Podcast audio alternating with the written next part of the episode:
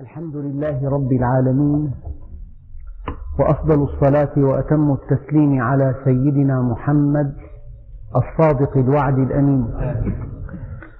اللهم لا علم لنا إلا ما علمتنا إنك أنت العليم الحكيم. اللهم علمنا ما ينفعنا وانفعنا بما علمتنا وزدنا علما. وأرنا الحق حقا وارزقنا اتباعه. وأرنا الباطل باطلا وارزقنا اجتنابه واجعلنا ممن يستمعون القول فيتبعون أحسنه وأدخلنا برحمتك في عبادك الصالحين. أيها الإخوة المؤمنون مع الدرس الأول من سورة مريم. بسم الله الرحمن الرحيم. هذه السورة في مجملها تتحدث عن شيئين. كما ورد هذا في آخرها إذ يقول الله سبحانه وتعالى فإنما يسرناه بلسانك لتبشر به المتقين وتنذر به قوما لدا كأن هذه السورة بأكملها تبشر المؤمنين وتنذر الفاسقين. كيف بشرت المؤمنين ربنا سبحانه وتعالى ذكر فيها قصة سيدنا زكريا ويحيى ومريم وعيسى وإبراهيم وإسحاق ويعقوب وموسى وهارون وإسماعيل وإدريس. كل هؤلاء الأنبياء الكرام ورد ذكرهم في هذه السورة الكريمة. أولئك الذين أنعم الله عليهم. كيف أنعم عليهم في الدنيا والآخرة؟ وكيف أعطاهم؟ وكيف رحمهم؟ وذكر الذين تركوا الصلوات ضيعوا الصلاة واتبعوا الشهوات. وكيف أنهم سيلقون غية؟ إذا هذه السورة بأكملها. بشارة للمؤمنين وهذه أمثلة كثيرة جدا وإنذار للمعرضين. فكأنها تطبيق عملي لأولئك الذين يبتغون إلى ربهم الوسيلة. الشيء الثاني أن هذه القصة وهذه السورة بدأت بالأحرف كاف هاء يا عين صاد. ومعظم المفسرين على أن هذه الحروف يقولون عنها الله أعلم بمراده. وبعض المفسرين يقولون إن هذا القرآن المعجز من جنس هذه الحروف. فكيف أن التراب نفخ الله فيه من روحه فكان بشرا سويا؟ كذلك هذه الحروف جعل الله منها كتابه المعجز. إذا إنكم أيها البشر لن تستطيعوا والحروف بين أيديكم أن تصوغوا كتابا فيه إعجاز من كل النواحي. إعجاز في التشريع إعجاز في البلاغة إعجاز في الإخبار إعجاز في الإرشاد إعجاز في الهداية إعجاز في الدلالة. إنكم لن تستطيعوا أن تصوغوا من هذه الحروف التي بين أيديكم كلاما بهذا الإعجاز. هذا قاله بعض المفسرين وبعضهم الآخر وقد عزي هذا إلى الإمام علي كرم الله وجهه أنها أوائل لأسماء الله الحسنى. فيا كافي ويا هادي ويا ولي ويا عالم ويا صادق الوعد. هذه رواية عزيت إلى الإمام علي كرم الله وجهه. وفي تفسير الفواتح الإلهية أن هذه الحروف كاف هاء يا عين صاد أوائل أسماء رسول الله. فجاء في هذا التفسير أن يا كافية عموم الأنام الكاف وهاديهم إلى دار السلام بيمن العزيمة العلية يا عين وبصدق الهمة الصافية. إذا لك أن تفهمها والقرآن كما قال الإمام علي كرم الله وجهه ذو وجوه فاحملوه على أحسن وجوهه. القرآن حمال أوجه لك أن تقول مع معظم المفسرين الله أعلم بمراده.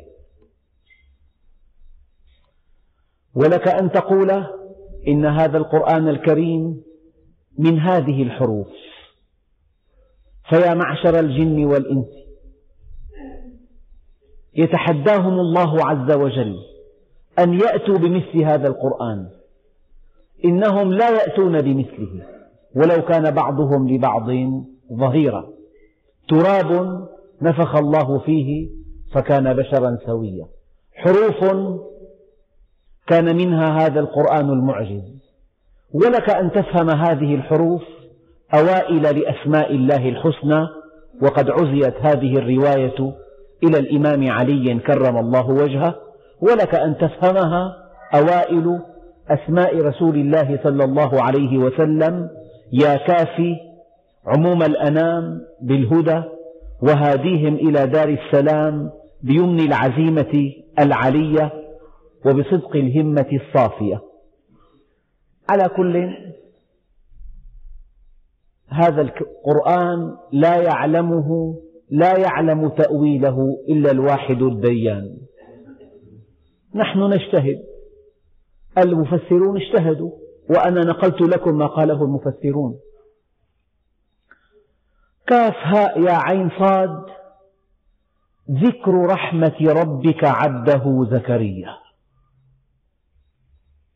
يعني هذه القصة هي ذكر لرحمة الله التي نالت عبده زكريا. أيها الإخوة الأكارم أتمنى عليكم ألا تظنوا هذه قصة تاريخية.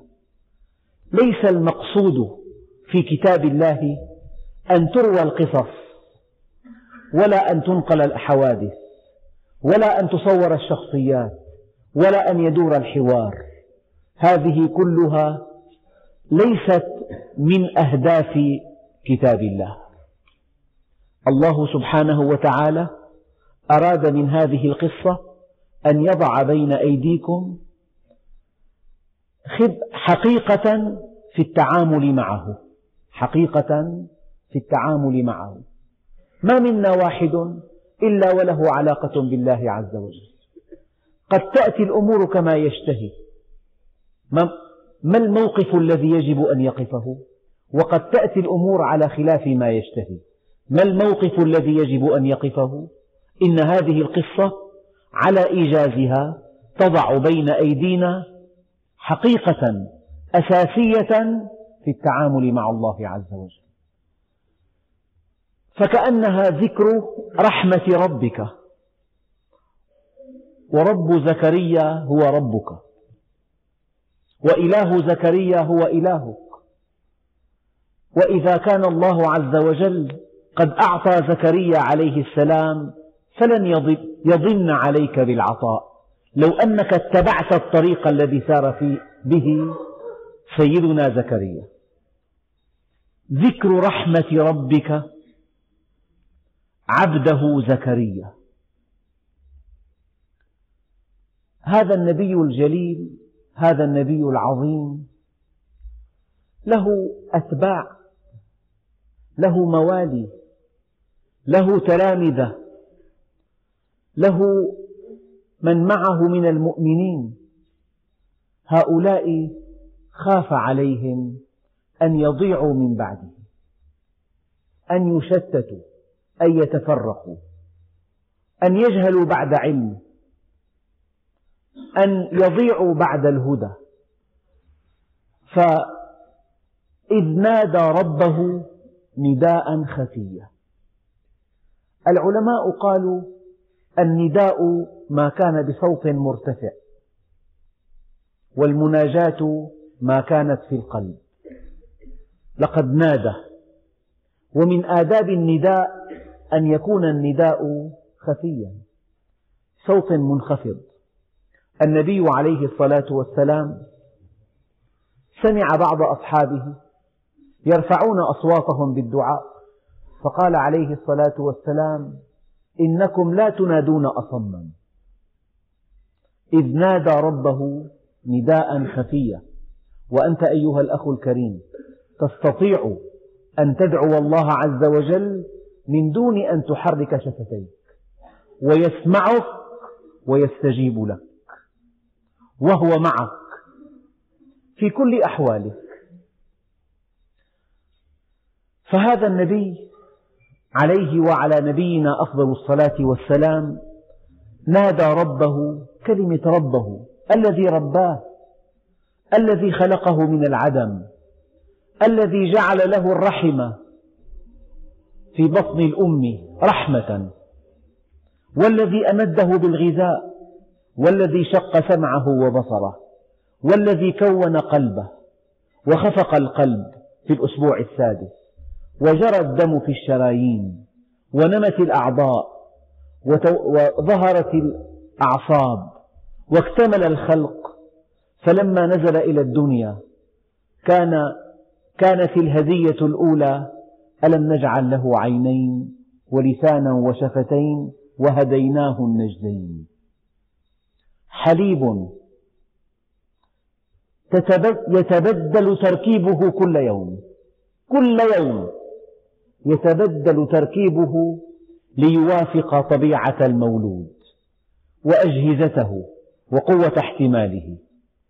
في هذا الحليب مواد قاتلة للجراثيم. في هذا الحليب مواد تمنع التصاق الجراثيم بالأمعاء. في هذا الحليب مناعة الأم كلها. مناعة الأم كلها. في هذا الحليب فوائد لا تعد ولا تحصى. إنه يأتي الطفل باردا في الصيف دافئا في الشتاء. تثبت الحرارة طوال الرضعة جاهز. جاهزية من الدرجة الأولى. تعقيم مثالي حرارة مثالية وقاية من الأمراض كلها مناعة تامة. ألم نجعل له عينين؟ ولسانا وشفتين؟ وهديناه النجدين؟ إذ نادى ربه ربه الذي رباه الذي أطعمه وسقاه الذي خلق له هذه العضلات هذه الأعضاء. وتلك الأجهزة وهذه الحواس إذ نادى ربه نداء خفيا أنت أيها الأخ الكريم هل تنادي ربك؟ كم مرة في الأسبوع تناديه؟ مرة واحدة؟ النبي عليه الصلاة والسلام كان يدعو ربه في كل أحواله إذا خرج من البيت إذا دخل إلى البيت إذا دخل إلى السوق إذا خرج من السوق إذا التقى بإنسان إذا ارتدى ثيابه إذا خلع ثيابه. الدعاء مخ العبادة إذ نادى ربه نداء خفيا. قال ربي إني وهن العظم مني. معنى وهن أي ضعف. لم يتحدث عن جلده ولا عن عضلاته ولا عن قدراته. إنما تحدث عن عظامه. فإذا كان فإذا كان دعام البناء دعام البناء قد تضعضع. فلا شيء في البناء. إني وهن العظم مني. العظم وهو أساس البناء. أساس الجسم قد ضعف. واشتعل الرأس شيبة. هذه من استعارات القرآن الرائعة. شبه الشيب بالشرر وشبه الرأس بمكان اشتعال النار. فإذا اشتعلت النار تطاير الشرر في كل الأنحاء. فكأن وصول الشيب إلى رأس الإنسان بمثابة شرر اشتعل في رأسه. يا رب إني وهن العظم مني واشتعل الرأس شيبة. والعلماء قالوا من آداب الدعاء ثلاثة آداب. الأدب الأول أن يكون الدعاء خفيا. هو دعا بلسانه. لو لم يدع بلسانه لكان مناجاة. لكنه لم يدعو في ملأ من الناس. دعا في المحراب. وقال إني وهن العظم مني واشتعل الرأس شيبة. هذا هو الأدب الثاني في الدعاء. التذلل التضعضع إظهار المسكنة إظهار العجز إظهار الافتقار. كيف تدعو خالق الأكوان وأنت في حالة كبر؟ لا. لا بد مع الدعاء من التذلل. لا بد من إعلان الضعف لا بد من إعلان الافتقار لا بد من أن تكون وأنت تدعو في حالة افتقار إلى الله عز وجل. يا رب إني وهن العظم مني واشتعل الرأس شيبة. أجمل ما في هذه الآية قول الله عز وجل على لسان سيدنا زكريا ولم أكن بدعائك رب شقيا. في كل حياتي. ما دعوتك مرة وكنت شقيا بهذا الدعاء. ومعنى شقيا أي محروما. العلماء قالوا الشقاء هنا الحرمان. ولم أكن بدعائك ربي شقيا. كن عن همومك معرضا وكل الأمور إلى القضاء. وابشر بخير عاجل تنسى به ما قد مضى. فلرب أمر مسخط لك في عواقبه رضا. ولربما ضاق المضيق ولربما اتسع الفضا الله يفعل ما يشاء فلا تكن معترضا. الله عودك الجميل فقس على ما قد مضى. ولم أكن بدعائك ربي شقيا. يا رب ما دعوتك في حياتي مرة وخيبت ظني إلا وأكرمتني وأعطيتني ورحمتني ورزقتني ويسرت أمري. إذا هذا هو الأدب الثالث في الدعاء. الأدب الأول أن يكون الدعاء خفيا والأدب الثاني أن يكون مع الدعاء ضراعة وتذلل. وافتقار والأدب الثالث أن تتوسل بشيء بظن حسن بالله عز وجل. أن يكون خفيا وأن تكون مفتقرا وأن تكون متوسلا بظن حسن بالله عز وجل. ولم أكن بدعائك ربي شقيا من الصياغة المعجزة أن جاءت كلمة ربي معترضة بين كلمة دعائك ربي شقيا من التحبب ومن التودد ومن التعظيم أن تأتي كلمة ربي مقحمة بين كلمتين متلازمتين. وهذا درس لنا. الشيء الذي تراه مستحيلا. الشيء الذي يقلقك. الشيء الذي يقض مضجعك. الشيء الذي تخاف منه. شبح المصيبة التي يبدو أنها قادمة. بادر إلى الصلاة.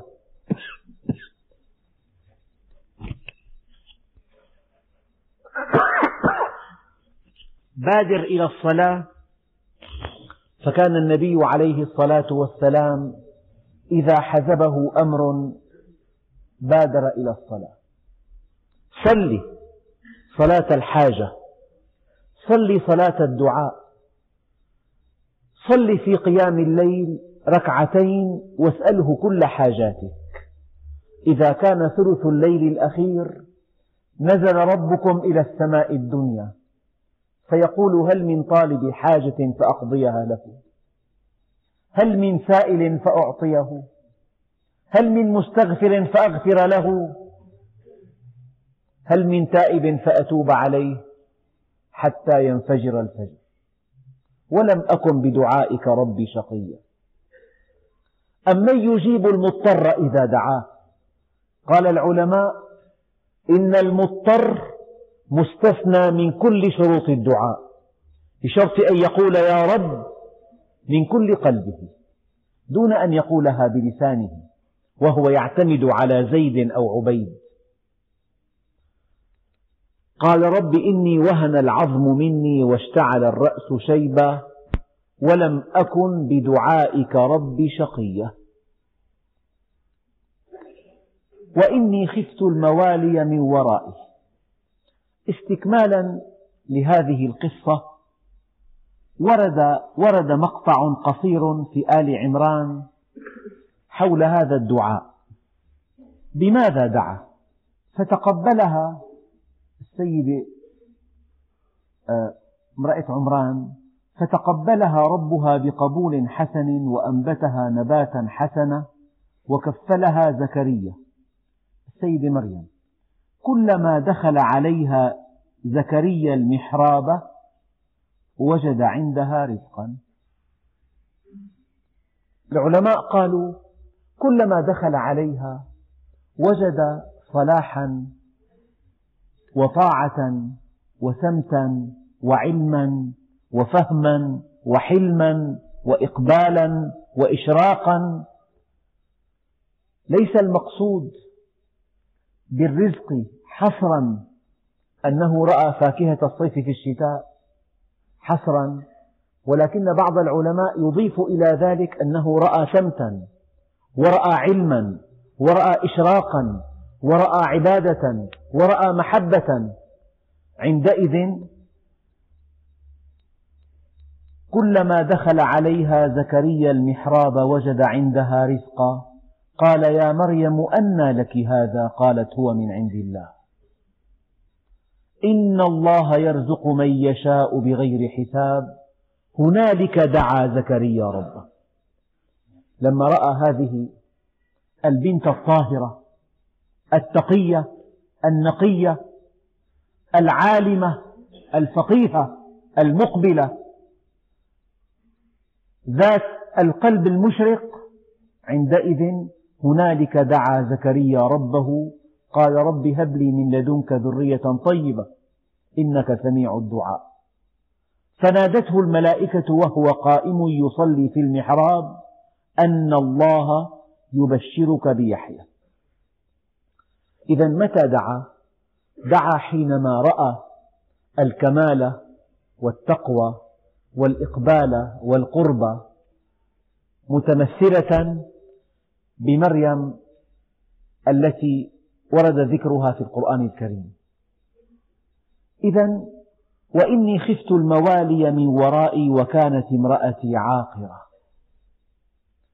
خاف هؤلاء الذين يدعوهم إلى الله خاف على تلامذته خاف على أتباعه خاف على المؤمنين الذين هم معه خاف عليهم أن يضيعوا بموته. أن يشتوا أن يضلوا أن يتفرقوا أن يضلوا بعد الهدى خاف عليهم. وكانت لكن الطريق مسدود.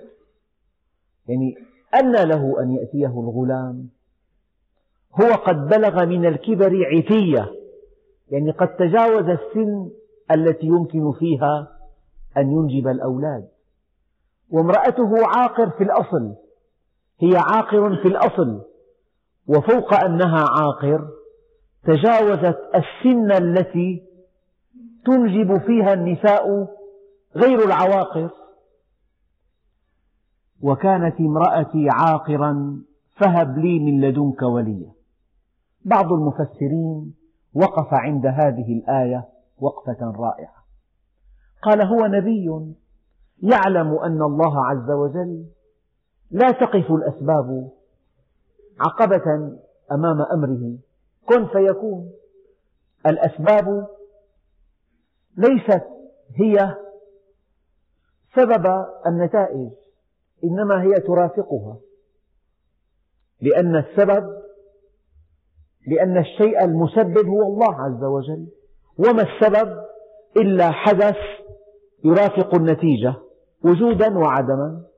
وبالإمكان أن تظهر النتيجة بلا سبب. فلماذا وصف نفسه بأنه قد بلغ من الكبر عتية؟ ولماذا وصف امرأته بأنها عاقر؟ قال هذا ليعلم إخوانه أن الله عز وجل على كل شيء قدير. فعلى الرغم من أنه قد بلغ من الكبر عتية وأن امرأته كانت عاقرة وقد تجاوزت السن التي يمكن فيها أن تلد غير العاقر ومع ذلك فالله على كل شيء قدير. ونحن أيها الإخوة لا ينبغي أن نيأس من رحمة الله. ولو أن الإنسان يعني أصابه مرض عضال أن يقول هكذا قال الأطباء هذا مرض لا شفاء له. لا هذا كلام الجهل. اسأل الأطباء يقولون لك هناك شفاء ذاتي. لا يعلم الطب كيف يحدث. شفاء ذاتي. وإذا مرضت فهو يشفي. الله سبحانه وتعالى يجعل مع العسر يسرا. يخلق من الضعف قوة ومن الضيق فرجا ومن شأن المؤمن أن الله سبحانه وتعالى يرزقه, يرزقه من حيث لا يحتسب. وأنه من يتوكل على الله فهو حسبه. وأنه من يتق الله يجعل له مخرجا. الآية صورة رائعة. ومن يتق الله يجعل له مخرجا. ما كان في مخرج؟ الأمور أحكمت حلقاتها. سدت من كل جانب. جميع أبواب الأرض مسدودة. ومن يتق الله يجعل له مخرجا. متى جعل هذا المخرج؟ بعد أن ضاقت. بعد أن ضاقت. إلى درجة ظن معه أنه ليس هناك مخرج. وكانت امرأتي عاقرة فهب لي من لدنك وليا. أما دقة هذه الآية فهب لي لم يقل فهب لي وليا. لو قال فهب لي وليا أنت بلغت من الكبر عتية. وامرأتك عاقر فكيف يأتيك الغلام؟ قال فهب لي من لدنك. يعني من طريقك يا رب من دون أخذ بالأسباب هذه حالة استثنائية. هب لي من لدنك يا رب بالإعجاز بتجاوز الأسباب. من دون أن يكون السبب هو الواسطة. هب لي من لدنك. مرت معنا هذه في سورة الكهف. فالتقى بعبد من عبادنا آتيناه رحمة من عندنا وعلمناه من لدنا علما. وكانت امرأتي عاقرة فهب لي من لدنك وليا يرثني. يكون داعيا إلى الله من بعدي. يرث هؤلاء الذين أدعوهم إلى الله. يرثني. ويرث من آل يعقوب واجعله ربي رضيا لك. اجعله مرضيا يا ربي. اجعله ممن ترضى عنه لأنك إذا رضيت عن إنسان فهذا الرضا هو كل شيء. ما من مرتبة على وجه الأرض أعظم من أن يرضى الله عنك. وهل من وصف وصف به أصحاب النبي عليه رضوان الله وعليه الصلاة والسلام؟ هل من وصف أبلغ من أن يقول الله عز وجل لقد رضي الله عن المؤمنين إذ يبايعونك تحت الشجرة؟ فكلمة رضي الله عنه هذه أعلى شهادة وأعلى رتبة ينالها إنسان على وجه الأرض. واجعله ربي رضيا يعني يا ربي هب لي غلاما يكون راضيا لك. تكون راضيا عنه وراضيا لك. هب لي غلاما ينوب عني بعد موتي في تعريف الناس بك في دلالتهم عليك في الأخذ بيدهم إليك. هبني غلاما يرث هذا المقام الذي أقوم به بين الناس. فكان الجواب من الله عز وجل أن يا زكريا يا زكريا إنا نبشرك بغلام. إنا نبشرك بغلام. اسمه يحيى. لم نجعل له من قبل سميا قال بعض العلماء إن الله سبحانه وتعالى سمى هذا الغلام بهذا الاسم. كيف أن الله عز وجل زوج النبي عليه الصلاة والسلام من السيدة زينب وكذلك ربنا سبحانه وتعالى سمى هذا الغلام بيحيى. ولم نجعل له من قبل سمية السمي هو المشابه. من بعض معاني هذه الكلمة أنه ليس, ليس من له اسم كهذا الاسم. أو ليس من له صفات هذا الغلام. السمي المشابه. هل تعلم له هل تعلم له سمية؟ يعني مشابهة. عندئذ قال هذا النبي الكريم قال رب أنى يكون لي غلام. قال هذا تعليما لأصحابه. قال هذا تعليما للناس أو تعريفا بقدرة الله عز وجل. شروط مستحيلة. وضع لا أمل منه لا رجاء فيه. أن تلد امرأة عجوز في الأصل كانت عاقرة.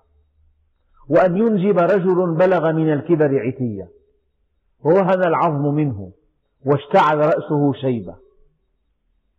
وفي المناسبة من فضل الله على الناس أن المرأة إذا بلغت سنا معينة توقفت عن الإنجاب. وتعليل هذا أن في مبيضها عدد محدود من البويضات. عدد محدود. في كل شهر ينزل من المبيض بيضتان. فإما أن ينقلبان أن تنقلبا إلى حمل وإما أن تذهبا. إلى أن تنتهي هذه هذه الكمية المحدودة. هذه الكمية المحدودة تنتهي في الأربعين في, الخامس في الخامسة والأربعين في السابعة والثلاثين في الخمسين أحيانا. هذه الكمية المحدودة تنتهي. ولو أن هذه الكمية تتوالد باستمرار وغير محدودة فالأمر لا يحتمل. أن امرأة في الثمانين أو في التسعين أو في السابعة والتسعين ترونها حاملا. كيف تربي ابنها؟ أية امرأة تستطيع أن تربي ابنها وهي في التسعين؟ فهذه من حكمة الله سبحانه وتعالى. الرجل ينجب إلى سن متأخرة جدا. أما المرأة عدد البويضات فيها محدود ينتهي في سن معينة. هذه حكم الإنسان قد لا ينتبه إليها. مثلا الإنسان الرجل قد يفقد شعره ولكن ليس في عالم النساء امرأة تفقد شعرها كليا. قد يخف شعرها وهذه من حكمة الله ورحمة بالنساء. في تخطيط. هناك إله عظيم يفعل ما يريد. قال رب أنى يكون لي غلام وكانت امرأتي عاقرا وقد بلغت من الكبر عتيا. قال كذلك. وأنت في هذه الحالة. وأنت قد بلغت من الكبر عتيا. وامرأتك عاقر في الأصل. وقد تجاوزت سن الولادة لو لم تكن عاقرا. قال ربك هو علي هين. كن فيكون. لو أن أولكم وآخركم وإنسكم وجنكم وقفوا على صعيد واحد وسألني كل واحد منكم مسألة ما نقص ذلك في ملكي؟ إلا كما ينقص المخيط إذا غمس في مياه البحر. ذلك لأن عطائي كلام وأخذي كلام. كن فيكون زل فيزول. قال هو قال هو علي هين هين. كلما عرفتني رأيته هينا علي. وقد خلقتك من قبل ولم تك شيئا.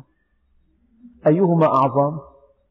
وقد خلقتك من قبل ولم تك شيئا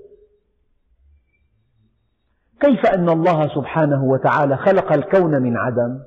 كان الله ولم يكن معه شيء. هو قديم بلا بداية. لكن الكون حادث. ما الشيء الحادث؟ هو الذي يسبقه العدم ويليه العدم. الكون كله حادث.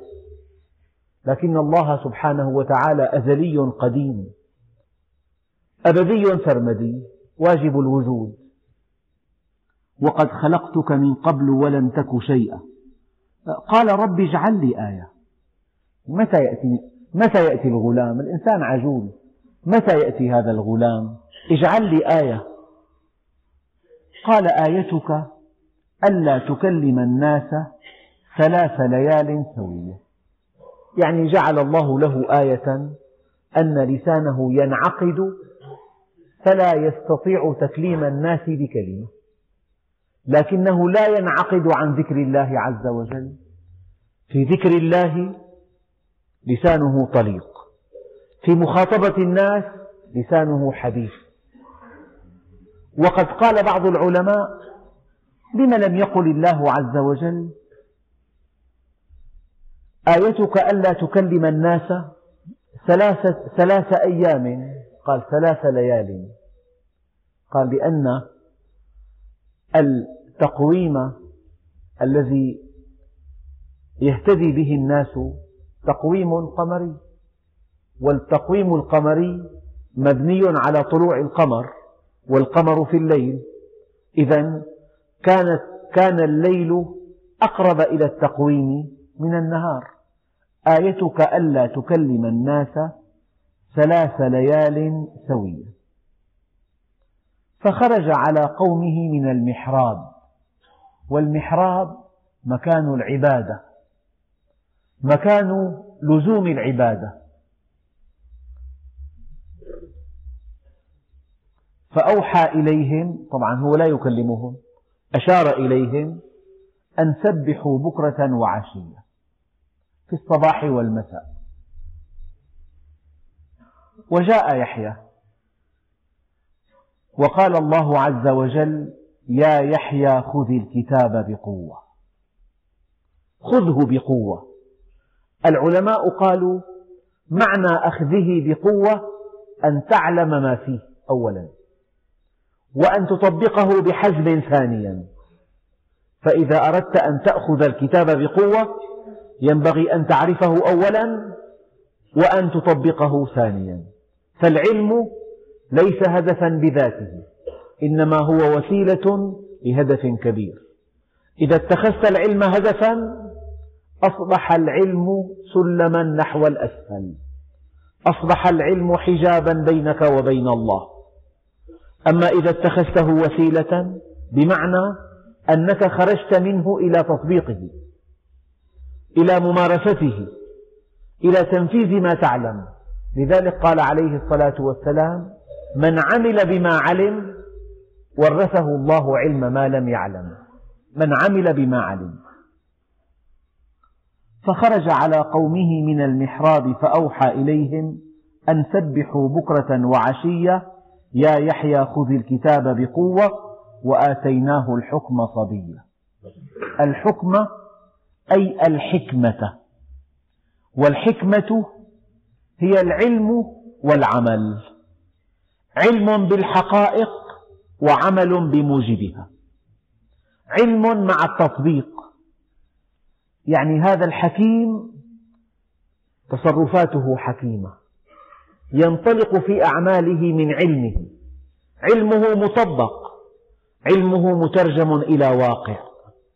يعلم الحقيقة ويعيشها يعلم الحقيقة ويطبقها يعلم الحقيقة ويعمل وفقها. وآتيناه الحكم صبيا. وآتيناه أيضا حنانا من لدنا من علامات الإيمان رحمة القلب. والقلب القاسي أبعد القلوب من الله عز وجل. من علامة الكفران قسوة القلب. من علامة الإيمان رقة القلب. اعرف نفسك من رقة قلبك. لا تغتر بالصلاة ولا بالصيام. انظر إلى قلبك الذي هو منظر الله. هل فيه رحمة للناس؟ هل ترحمهم؟ يقول الله عز وجل في الحديث القدسي إذا أردتم رحمتي فارحموا خلقي. إذا أردتم رحمتي فارحموا خلقي. آتيناه. يا يحيى خذ الكتاب بقوة وآتيناه الحكم صبيا. وحنانا من لدنا. آتيناه حنانا من لدنا يعني رحمة. وزكاة. آتيناه زكاة يعني طيبا. الزكاة صفات عالية في النفس. طيب. رحمة عدالة مروءة صدق وفاء حرص تواضع نباهة وزكاة. وكان تقيا لأنه كان تقيا لأنه اتقى أن يعصي الله عز وجل. اتقى أن يكون في موضع لا يرضي الله. ما الولاية؟ أن تكون حيث أمرك أن يراك حيث أمرك وأن يفتقدك حيث نهاك.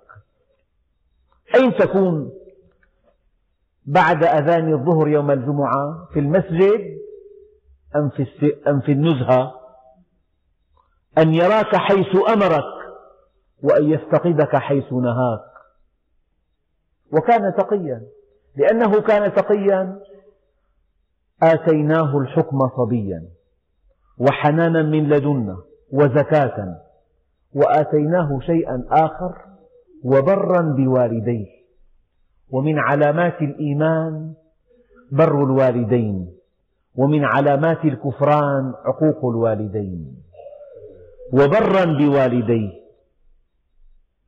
ابن آدم ماتت التي كنا نكرمك من أجلها الأم فاعمل صالحا نكرمك لأجلك. لو أن في اللغة كلمة أقل من أف لقالها الله عز وجل ولا تقل لهما أف. وبرا بوالديه كان بارا بهما ولم يك جبارا عصيا. جبارا على الخلق عصيا للحق. ما في أرقى من هيك.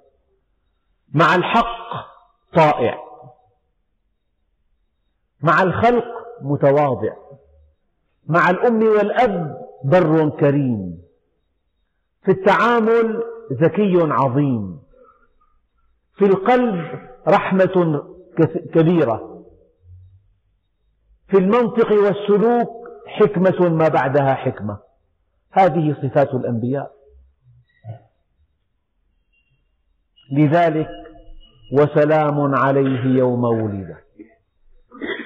ويوم يموت ويوم يبعث حيا سلام. السلام الطمأنينة حياة كلها سلام بسلام. لا منغص لا خوف لا قلق لا نقص لا مرض لا خطر لا شبح. وسلام عليه يوم ولد. ويوم يموت وبعد الموت. إنه في البرزخ. والبرزخ أي القبر روضة من رياض الجنة. أو يكون القبر للكافر حفرة من حفر النيران.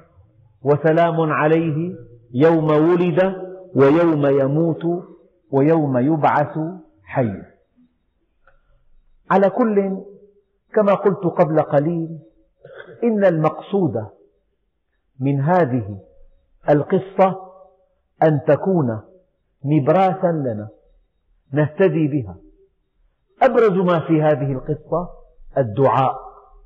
انظروا شيخ فان بلغ من الكبر عتيا وامرأة عجوز كانت عاقرا وقد دعا هذا النبي العظيم ربه نداء دعاء خفيا أن هب لي من لدنك غلاما. يرثني في الدعوة إليك يرعى إخواني يرعى تلامذتي يهديهم إليك. يكون استمرارا لي يكون خليفة لي. لأني أخاف عليهم. شدة حرصه على إخوانه وعلى أتباعه وعلى تلاميذه جعله يدعو هذا الدعاء. وكيف أن الأمور تبدو مستحيلة؟ وكيف أن الطرق مسدودة؟ وكيف أن الأسباب معطلة؟ ومع ذلك جاءت حكمة الله وجاءت قدرة الله عز وجل فوهبته غلاما نبيا. وكيف أن آداب الدعاء ثلاثة؟ أن يكون الصوت خافتا وأن يكون التذلل واضحا وأن يكون التوسل بعمل صالح. أو بحسن ظن بالله عز وجل. اخفض صوتك وتذلل لربك وتوسل إليه بصالح عملك. وهذه من آداب الدعاء. وكيف أن هذا النبي العظيم ما الذي جعله يدعو ربه الكريم؟ إلى غلام حكيم ما رآه من مريم. الصديقة كيف أنها نشأت؟ في طاعة الله ما من شيء على وجه الأرض أعظم من أن تقر عينك بابنك أن تراه طائعا لله مصليا وقورا ذا سمت حسن يحب الله ورسوله يسعى في طاعة الله ورسوله. إذا هذا تعليم لنا. والقضية قضية السؤال. ليس لم يفعل هذا النبي العظيم إلا شيئا واحدا أنه سأل المولى جل وعلا وانتهى الأمر. لم يفعل شيئا سأل ربه ورب زكريا هو ربنا. ورب زكريا الذي استجاب له معنا يستجيب لنا.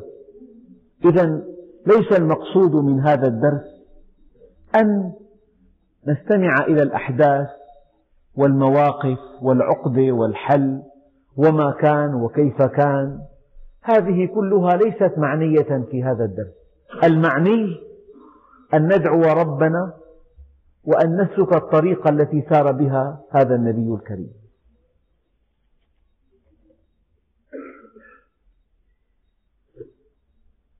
والذي أريد أن أؤكد عليه أن كلمة رب التي وردت في هذه السورة تشير إلى أن الرب هو الممد. يعني كما قلت لكم من قبل هناك نعمة الإيجاد وهناك نعمة الإمداد وهناك نعمة الإرشاد. فهذا الهواء هذا الهواء من ربنا. لولا الهواء لمات العباد. وهذا الماء الذي نشربه وهذه الأمطار التي تنزل من السماء إنما هي رحمة من الله عز وجل. فكلما رأيت نعمة أو عاينت آه، شيئا رحمة تذكر أن الله سبحانه وتعالى هو الذي سخره لك. وبين المؤمن وبين المشرك هذا هو الفرق. المشرك يقول إنما أوتيته على علم عندي. بينما المؤمن يترك هذا يعزو ذلك إلى الله عز وجل. إذا وفي درس قادم إن شاء الله تعالى ننتقل إلى قصة السيدة مريم الصديقة.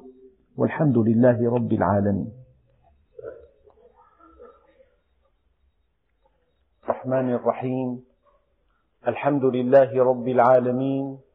وأفضل الصلاة وأتم التسليم على سيدنا محمد الصادق الوعد الأمين.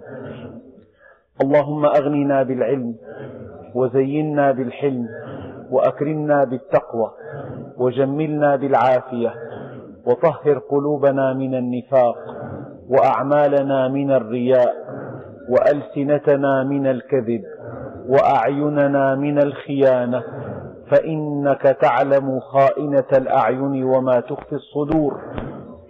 اللهم أعنا على دوام ذكرك وشكرك وحسن عبادتك. وارزقنا الشوق إلى لقائك ولذة النظر إلى وجهك الكريم. اللهم اجعل جمعنا هذا جمعا مباركا مرحوما. واجعل تفرقنا من بعده تفرقا معصوما. ولا تجعل فينا ولا منا ولا معنا شقيا ولا محروما. وصلى الله على سيدنا محمد النبي الأمي وعلى آله وصحبه وسلم والحمد لله رب العالمين الفاتح.